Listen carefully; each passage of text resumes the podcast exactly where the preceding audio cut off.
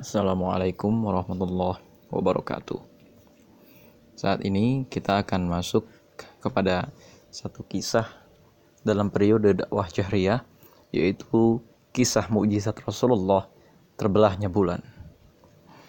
Kisah mukjizat Rasulullah berupa terbelahnya bulan ini sebetulnya menandakan satu episode dakwah yang lain dari pembagian dakwah di masa jahriyah dakwah periode jahriyah itu kan maksudnya dakwah itu dikatakan dengan jelas seluruhnya apa e, isi dakwahnya itu bagaimana diceritakan dengan jelas tapi kemudian tetap tanzim atau badan dakwahnya itu dirahasiakan. Tanzimnya itu tetap dipendam di bawah tanah tidak banyak yang mengetahui berapa orang yang sudah menjadi muslim dan memang kalau menurut catatan gitu ya Nabi Muhammad itu dikatakan itu memiliki catatan siapa-siapa saja yang sudah masuk Islam dan masing-masing e, orang yang sudah masuk Islam itu tidak juga mengetahui siapa juga yang sudah masuk Islam terkecuali mereka itu secara berkelompok-kelompok tampaknya terpisah-pisah berkumpul di rumah Arqam bin Abil Arqam. Salah satu dalil ya bukti dari apa namanya dari kenapa kok sahabat ini kelihatannya tidak sama-sama tahu siapa saja yang sudah masuk Islam. Bukti pertama adalah hadis dari Abdullah bin Mas'ud yang menyatakan bahwa orang yang mensiarkan keislamannya hanya tujuh orang pada saat itu. Ini sampai kira-kira e, nanti gitu ya setelah mujizat itu nyata dan yang kedua sampai itu kira-kira masa dakwah syahriyah itu sudah mencapai puncaknya. Siapa saja mereka? Nabi Muhammad sendiri, Nabi Muhammad sendiri gitu ya, e, dan kemudian Abu Bakar As-Siddiq, Amr bin Yasir, dan bapaknya, Yasir dan Sumayyah ibunya, Mikdad bin Al-Aswad dan Bilal bin Robah. Ini mereka mewakili berbagai macam kalangan. Nah, setelah itu kan ternyata setelah Rasulullah itu menawarkan kepada keluarganya dan ketika beberapa kali tampil di hadapan Ka'bah dan orang-orang musyrik mulai menantang Rasulullah, maka jelas bagi semua orang siapa-siapa saja yang menjadi muslim pada saat itu yang yang kira-kira diketahui orang mungkin ya barangkali jumlahnya sekitar 40 dari berbagai macam kalangan. Karena yang sampai hadisnya kepada kita itu ada Utsman dan lain-lain. Tapi pada saat ketika dakwah itu kemudian mencapai titik terberatnya, tampaknya rahasia siapa-siapa saja yang sudah masuk Islam itu tidak diberikan kepada orang yang saat itu baru saja masuk Islam. Contohnya adalah ini ada klaim yang berbeda-beda di antara kalangan sahabat Nabi, siapa-siapa saja orang yang pada saat itu masuk Islam ketika mereka masuk Islam ada hadis ya Abu Dzar Al Ghifari dia satu ketika ada sebuah hadis dia menyatakan dia adalah orang keempat dalam Islam. Dia hanya tahu hanya Rasulullah Ali bin Abi Thalib dan Abu Bakar Siddiq yang pada saat itu masuk Islam. Dan ada lagi beberapa hadis lain yang menyatakan bahwa Rasulullah itu memang merahasiakan dakwahnya gitu ya merahasiakan dalam arti siapa saja orang yang menjadi pendukung dakwah selama ini keterangan seputar simpang siurnya eh, data dakwah ini gitu ya dan kesimpulan berupa ternyata Rasulullah itu merahasiakan data ini itu didapatkan dari buku Sahih Sirah Nabawiyah karangan Dr. Akram Dia Al-Umari. Apa tujuannya? Barangkali tujuan utamanya di sini adalah satu menjaga kerahasiaan. Ya, karena pada saat itu ada satu kisah gitu ya. Ketika Abu Dhar Al-Ghifari ini mau masuk Islam, itu Ali bin Abi Thalib memang sengaja nunggu dulu. Dan Abu Dhar al-Ghifari sendiri tampaknya mengerti bahwa situasinya sulit. Sehingga dia sendiri juga tidak bertanya kepada orang lain di mana Rasulullah. Nah, tapi e, ketika kemudian Rasulullah itu menawarkan dakwahnya ke mana-mana, mungkin ya ada beberapa orang yang akhirnya ketahuan dan terlihat dia memang adalah seorang Muslim. Di samping pada saat itu memang Abu Bakar As-Siddiq dan Rasulullah sendiri itu kerap membacakan Al-Quran dengan suara yang jahar. Kemudian, fase dakwah ini bertambah-tambah lagi karena segala perdebatan kepada Rasulullah. Artinya orang-orang Quraisy ini bertanya kepada Rasulullah. Yang kemarin kita sudah tahu bahwa Rasulullah itu ditanya soal puncaknya soal tiga persoalan, gitu ya. Soal tiga persoalan itu di antaranya soal Ashabul Kahfi, soal Dzulqarnain, dan soal Ruh. Ternyata jawaban Allah dalam surat Al-Kahfi dan surat Al-Isra itu malah membungkam orang-orang Quraisy. Terus ditanya lagi Rasulullah mengenai hari kiamat. Malah jawabannya itu juga membungkam orang-orang Quraisy, gitu kan. E, nanti kita akan ketahui ya perdebatan orang di surat As-Saffat dan juga di surat Yasin. Di dua surat itu mengandung perdebatan seputar hari kiamat. Nah, tapi e, di luar itu, hari ini saat ini kita akan membahas bagaimana kelanjutan dari dakwah Syria ini, dari, dakwah Syria ini ketika kemudian azab itu mulai turun sebagai satu kepastian. Nah, beberapa ayat gitu ya di juz 30 dan juz 29 meskipun turun sebelum pada saat itu Rasulullah itu menjanjikan azab yang dijanjikan itu baru sebatas azab neraka tapi belum azab kehancuran di sini mulai tampak ancaman berupa azab dunia kepada orang-orang Quraisy. Nah, ancaman berupa azab dunia ini e, menurut beberapa orang ahli tafsir, di antaranya pendapatnya Ibnu Abbas yang disitir oleh Ibnu Katsir dalam kitabnya, itu tidak akan turun sebelum kemudian orang-orang itu mendustakan datangnya mujizat. Nah, kalau kita lihat di surat Hud, e, orang itu kan mendustakan nabinya, gitu kan, dan kemudian sebagai tanda e, nanti ketika mendustakan itu baru debat-debat saja itu nabinya masih bersabar. Tapi kemudian sebagai tanda nanti nabinya itu akan diberikan satu mukjizat. Yang mana mukjizat ini kemudian mempesona orang-orang dan kesimpulannya adalah ketika orang itu tunduk karena mukjizat, lalu mereka tidak diazab. Tapi kalau mereka itu kemudian mengatakan bahwa ini adalah sihir, barulah di situ turun azab. Nah, konteksnya di sini ini kan Rasulullah memang dikatakan sebagai seorang penyihir gitu ya sama Walid bin Mughirah. Nah, tapi kemudian tampaknya di sini gini, Rasulullah itu diminta untuk menghadirkan mukjizat karena komunikasi orang-orang Quraisy dengan orang-orang Yahudi di kota Madinah. Yang kedua, eh, gambaran orang-orang Quraisy mengenai Nabi itu mulai mengarah kepada tindakan-tindakan yang sifatnya luar biasa yang hanya bisa dilakukan oleh orang-orang yang dekat kepada Tuhan. Karena pada saat itu, bayangan orang mengenai Nabi imajinasi orang mengenai Nabi itu bukan seorang pemberi peradaban, bukan seorang yang memberikan tawaran ideologi, tapi gambaran orang mengenai Nabi adalah orang yang punya keajaiban-keajaiban. Jadi kalau ada orang zaman sekarang, ulama atau ustadz itu yang dijual itu cerita-cerita ajaibnya, sah-sah saja sebetulnya. Tapi ini akan mengembalikan mihwar dakwah kita kepada mihwar dakwah periode lampau gitu loh. Karena ulama atau ustadz itu bukan cerita ajaib yang dia jual, bukan keajaiban-keajaiban kemudahan gitu ya. Karena apa? Karena kalau kita jual keajaiban-keajaiban semacam itu, insya Allah penyihir-penyihir di luar sana ya, pesulap, ahli-ahli yang ahli yang sifatnya mungkin dia memang kerjaannya itu melakukan hal ajaib, itu akan bisa mengalahkan keajaiban gitu loh. Ini jadi persoalan makanya agama itu kan sebelum akhirnya turun mukjizat, Allah itu melalui Rasulnya itu sebetulnya berupaya meyakinkan manusia melalui logika. Kalau kita lihat urutan dakwahnya kan begitu. Rasulullah declare kenabian, setelah declare kenabian, maka orang berdebat. Dan ketika berdebat itu, Rasulullah memojokkan mereka dengan cara yang baik, gitu ya, dengan cara yang ahsan, sampai kemudian ketika mereka betul-betul terpojok, pilihan mereka cuma dua.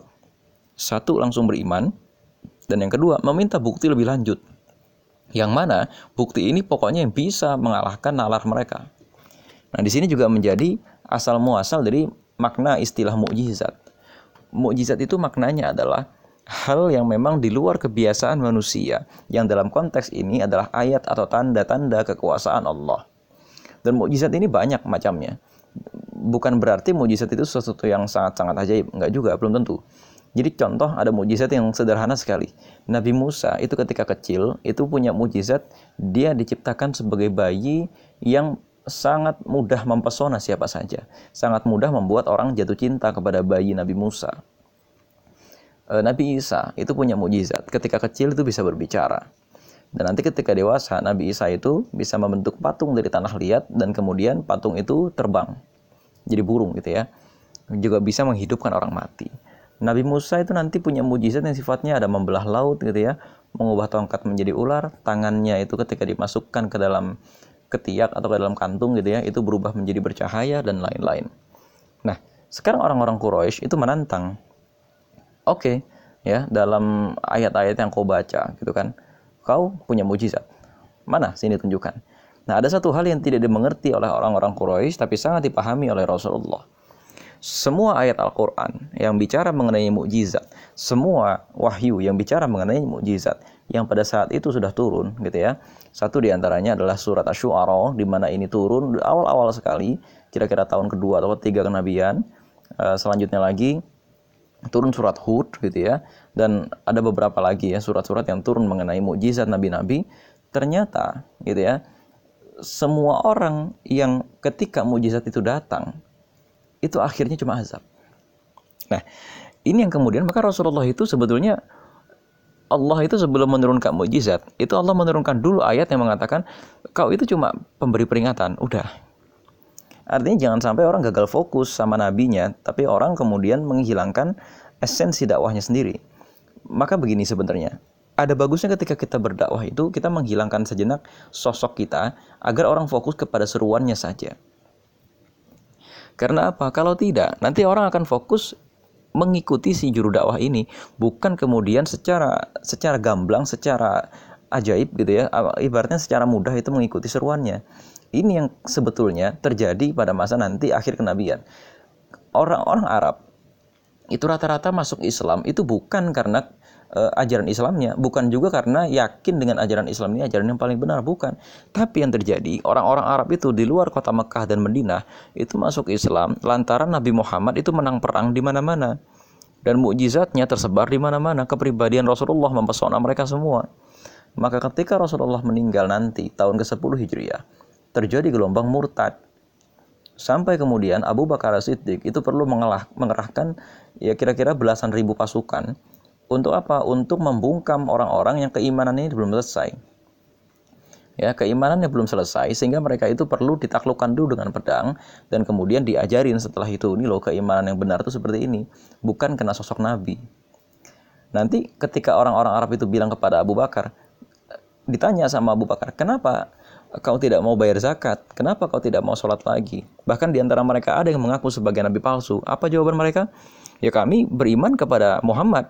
Kami bayar zakat, kami sholat. Ini perjanjian kami dengan Muhammad, bukan perjanjian kami kepada engkau. Meskipun engkau itu khalifah pertama, gitu loh. Kan Abu Bakar gelarnya adalah khalifatul Rasul. Nah ini yang kemudian datangnya mukjizat itu jangan sampai sebetulnya membuat orang jadi gagal fokus dan Nabi Muhammad di sini gundah sebetulnya. Ada satu satu hadis yang menyebutkan begini. Uh, Rasulullah itu mengadu kepada Allah Ya Allah, mereka minta mukjizat. Tapi apa kata Allah? Baik, akan aku datangkan satu mukjizat yang belum pernah dilihat orang sebelum ini. Artinya kan sudah kira-kira ya 124 ribu nabi dan kira-kira 313 rasul. Ini Rasulullah akan diberikan satu mukjizat yang orang belum pernah sama sekali melihatnya. Tapi kata Allah, kalau mereka mendustakan, nah itu kalau mereka mendustakan, maka mereka akan mendapatkan azab yang juga belum pernah orang melihatnya. Ini sebetulnya titiknya. Kenapa Rasulullah itu sebetulnya agak kurang serk menggunakan gaya-gaya ajaib semacam itu. Islam tidak disebarkan dengan cara yang dominannya dengan cara itu. Meskipun memang dulu daerah-daerah di Nusantara di Indonesia ketika ulama-ulama itu mengislamkan daerah kita itu memang kebanyakan pakai sesuatu yang ajaib. Ya kan sebagai contoh itu Sunan Gresik itu ketika dia menciptakan satu kipas dari kayu cendana dia mengatakan kipas ini bisa mengobati demam. Ketika itu dikipaskan ke orang demam itu bisa berhilang bisa bisa berkurang gitu ya. Padahal itu ya memang khasiat atas izin Allah dari kayu cendana itu gitu kan. Nah dan lain-lain. Ya tapi kan kemudian gini uh, salah satu yang membuat Rasulullah berat berarti kalau nanti mereka tidak beriman akan ada azab. Nah, Rasulullah itu tidak tidak tidak membayangkan azab apa yang akan turun. Ketika yang jadi jaminan adalah azab yang turun itu, kalau yang turun nanti adalah satu mukjizat, maka azab yang turun bukan azab yang biasa aja. Rasulullah pasti langsung ingat, waduh di surat uh, di surat Az-Zariyat ini azabnya sudah macam-macam jenisnya musawwamatan inda rabbika lil musrifin linursila alaihim hijaratan min ada batu yang bernama gitu kan. Sehingga batu-batu itu tidak akan meleset. Dan negerinya itu dijungkir balikan. Itu kan kepada kaum Sodom ya kaumnya Nabi Lut. Ada juga azab-azab yang lain. Fir'aun itu tumbang gitu kan. Ada juga azab-azab yang lain gitu yang spesifik-spesifik yang kita agak bergidik ngeri ketika membayangkan itu. Nah Tapi kemudian ternyata desakan kaumnya itu semakin kuat, semakin kuat, semakin kuat. Nah, di sinilah kemudian titik pembahasan kita mengenai mukjizat terbelahnya bulan. Ini sebagai tanda gitu ya bahwa ketika datang mujizat kepada mereka, maka dakwahnya Rasulullah itu itu menjadi sedikit sekali berdebat, tapi kemudian dakwahnya Rasulullah itu tampaknya ini berusaha mencari celah bagaimana caranya orang-orang yang sudah masuk Islam bisa selamat hijrah ya. Atau yang kedua, orang-orang yang sudah masuk Islam ini posisinya diperkuat ya muncul ke permukaan sehingga orang-orang tidak lagi mengganggu orang Islam. Karena setelah datangnya mujizat, orang yang tidak beriman ya sudah tidak beriman gitu loh. Biasanya begitu. Meskipun setelah datangnya mujizat itu ada juga beberapa orang yang jadinya masuk Islam nanti ketika di periode dakwah eh, Madaniyah. Sifatnya dakwah yang ada di kota Madinah. Nah apa mujizatnya Rasulullah? Pertama ini ketika beberapa orang sahabat Nabi ya mengerumuni Rasulullah tiba-tiba datang Ummu Jamil istrinya Abu Lahab. Ya ketika datang istrinya Abu Lahab itu dia membawa sebongkah kayu untuk apa? Untuk memukul Nabi Muhammad lantaran dia mendengar surat Al-Lahab. Tabat siada abi lahabi watab. Celakalah kedua tangan Abu Lahab. Itu kan. Nah, ketika mendengar wahyu itu gitu ya, maka Ummu Jamil marah mencari di mana Rasulullah dan kemudian dia menemui Rasulullah bersama dengan Abu Bakar. Tapi anehnya di situ Ummu Jamil tidak bisa melihat di mana Rasulullah. Padahal Rasulullah tidak beranjak dari tempatnya sedikit pun. Ini mujizat yang pertama. Mujizat yang kedua, beberapa kali ketika para orang-orang musyrik itu ingin mencekik Rasulullah, ternyata Rasulullah tampak saat itu dikelilingi oleh pagar dari api. Terutama yang mengalami hal ini adalah Abu Jahal. Ketika Abu Jahal itu ingin membunuh Rasulullah, ingin ketika Rasulullah itu bersujud, itu ingin ditendang, dijenggut, ingin dijengkangkan, Tiba-tiba Abu Jahal itu melihat ada malaikat yang besar, kejam, dan ada di situ semacam dinding dari api. Yang menurut para ulama, inilah malaikat Zabaniyah. Yang malaikat Zabaniyah ini adalah sipirnya neraka. Nah ini tidak sembarangan gitu ya. Tapi ini sifatnya masih ketika mereka mengganggu Rasulullah. Jadi ini mukjizat-mukjizat yang sifatnya itu bukan untuk uh, bukan untuk membuat orang tuh yakin bahwa kenabian Rasulullah itu benar. Artinya mereka masih berspekulasi itu sihir yang biasa gitu kan itu sihir. Maka kemudian puncak mukjizat Rasulullah ini yang kemudian nanti diabadikan dalam Quran dalam surat Al-Qamar. Apa itu? Iqtarabatis sa'atu wa syaqqal qamar. Telah terbelah bulan ya, telah dekat saat itu dan telah terbelah bulan.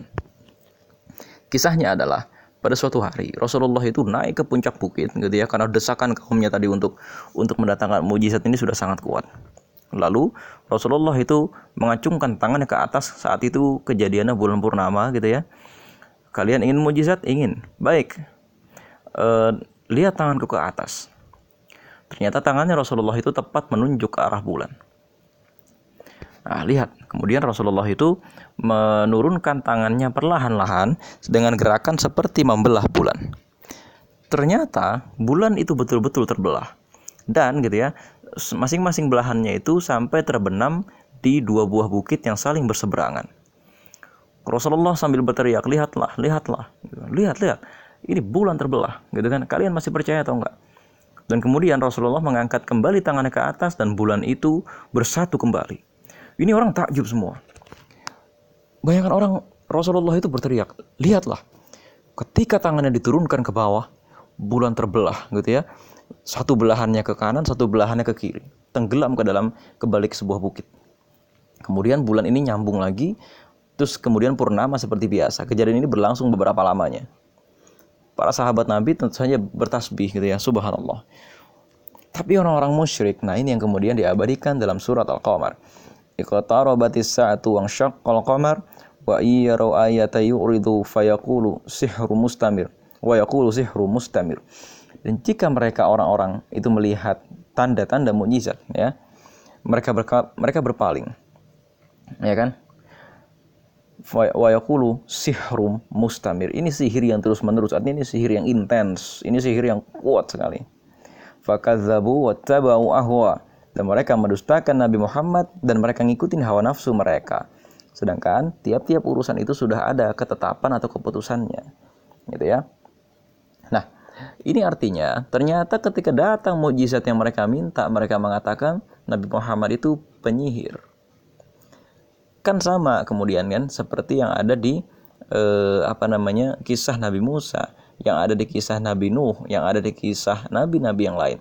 Ya kan? Semuanya itu dikatakan sebagai penyihir. Ini sebetulnya satu resiko. Ketika dakwah itu disampaikan dengan cara yang ajaib-ajaib, orang akan mengatakan kita sebagai cenayang. Orang akan mengatakan kita ini sebagai penyihir. Maka dakwah itu cara utamanya itu dengan dialog sebetulnya.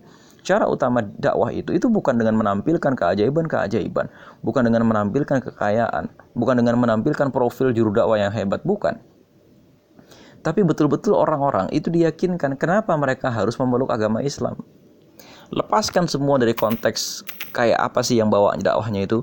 Lepaskan itu dari konteks bagaimana kemudian kalau kita masuk Islam tuh benefitnya apa. Bukan bukan itu.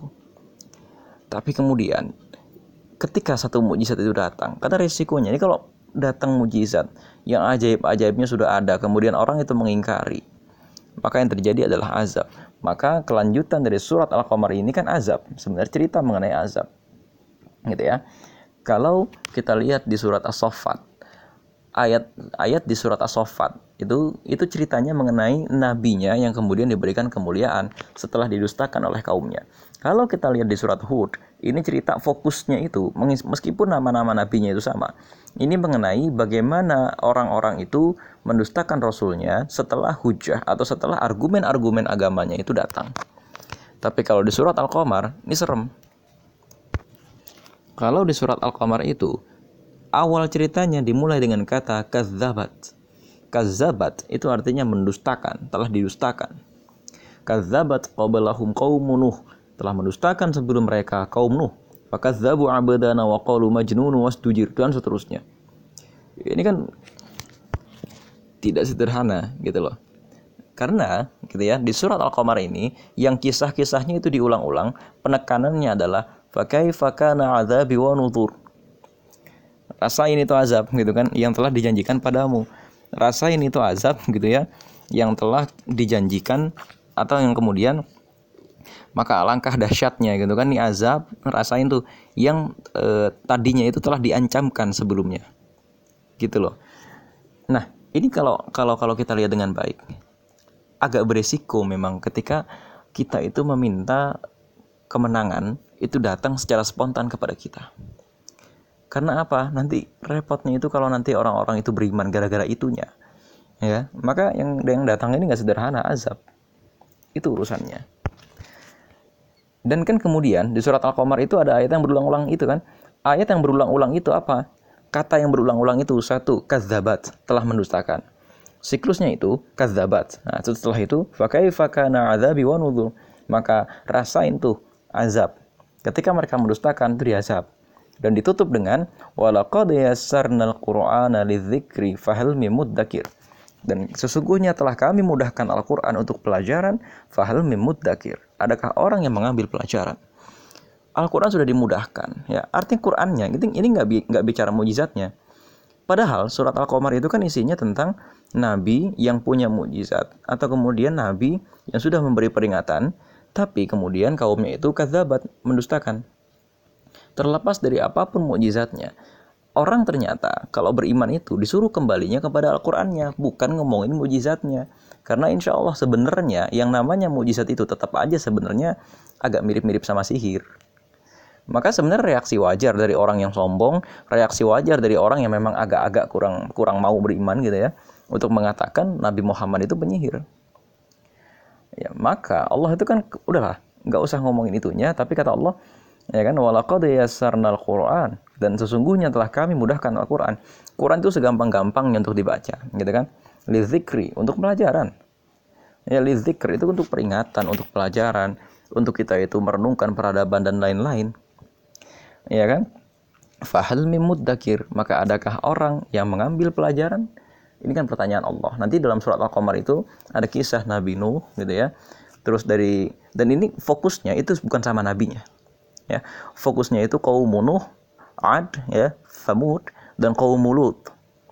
Jadi fokusnya itu bukan ke nabinya. Sementara kalau di surat As-Saffat itu ke nabinya, nabinya disebut. Di surat Hud itu nabinya, fokusnya itu agar nabinya itu sabar ya meskipun kisah yang sama. Jadi di Al-Quran itu kenapa sih pernah ada yang tanya ya kenapa sih kisah-kisah itu diulang? Ternyata kisah-kisah itu fokusnya beda-beda. Meskipun kisah satu nabi yang sama. Kisah Nabi Nuh di surat Hud ini cerita mengenai ketabahan hati Nabi Nuh menjawab argumen-argumen dari kaumnya dan dibalas dengan argumen-argumen lagi. Nah kisah dalam surat-surat yang lain. Seperti surat Ibrahim gitu ya surat As-Saffat. Kalau di surat As-Saffat itu kan fokusnya itu kepada e, bagaimana nabinya itu diabadikan oleh Allah dipuji oleh Allah sebagai hiburan nanti di surga juga di dunia ini. Tapi kalau di surat Al-Qamar kazabatnya gitu kan diutamakan dan kaumnya kaumnya ini gimana nasib kaumnya gitu loh. Bukan nasib nabinya ya bukan nasib nabinya tapi nasib kaumnya Nah ini yang kemudian jadi berat nih beban hatinya Rasulullah. Karena jelas setelah itu Rasulullah tahu, waduh kaumnya ini bakal diazab. Azabnya kayak apa ya? Dan kemudian kan ada azab ya yang datang kepada orang-orang Quraisy. Azab yang pertama itu berupa dukhon. Ya, berupa dukhon. Azab yang kedua itu itu berupa kekeringan yang teramat sangat. Jadi karena dukhon itu kemudian membawa awan kering, membawa angin kering, kemudian orang-orang Quraisy itu sempat kekeringan beberapa lama. Dan azab yang ketiga yang disebut sebagai azab itu adanya di perang Badar. Ya, perang Badar itu orang-orang yang selama ini mendustakan Rasulullah itu terbunuh, tewas gitu ya. Nah, ini yang kemudian jadi jadi masalah gitu loh. E, kemudian ada satu pendapat di kalangan ulama begini. Setelah turunnya kitab Taurat gitu ya, setelah turunnya Nabi Musa, itu azab itu tidak lagi datang yang kemudian menghabisi satu kaum tapi azab itu kemudian ditunda sampai orang-orang itu betul-betul mau beriman. Maka kan kehancurannya eh, kehancuran dari kaumnya Nabi Musa yaitu kaum Mesir gitu ya. Bukan kaum Bani Israel saja gitu ya, tapi orang-orang Mesir itu kan hancurnya pemerintahannya saja. Dan orang-orang yang pada saat dikisahkan di surat Al-Baqarah itu mereka ada yang diubah jadi keradaan babi, mereka juga ada yang tersambar petir dan lain-lain. Mereka-mereka itu kan memang orang yang mendustakan Allah sampai terakhir sekali mereka mau mati baru kemudian mereka terkena azab.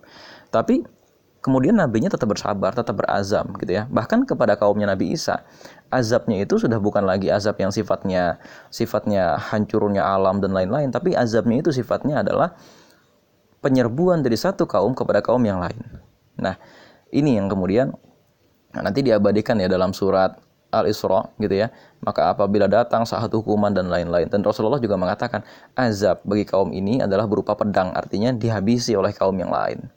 Dan azab yang turun kepada orang-orang Quraisy juga seperti itu.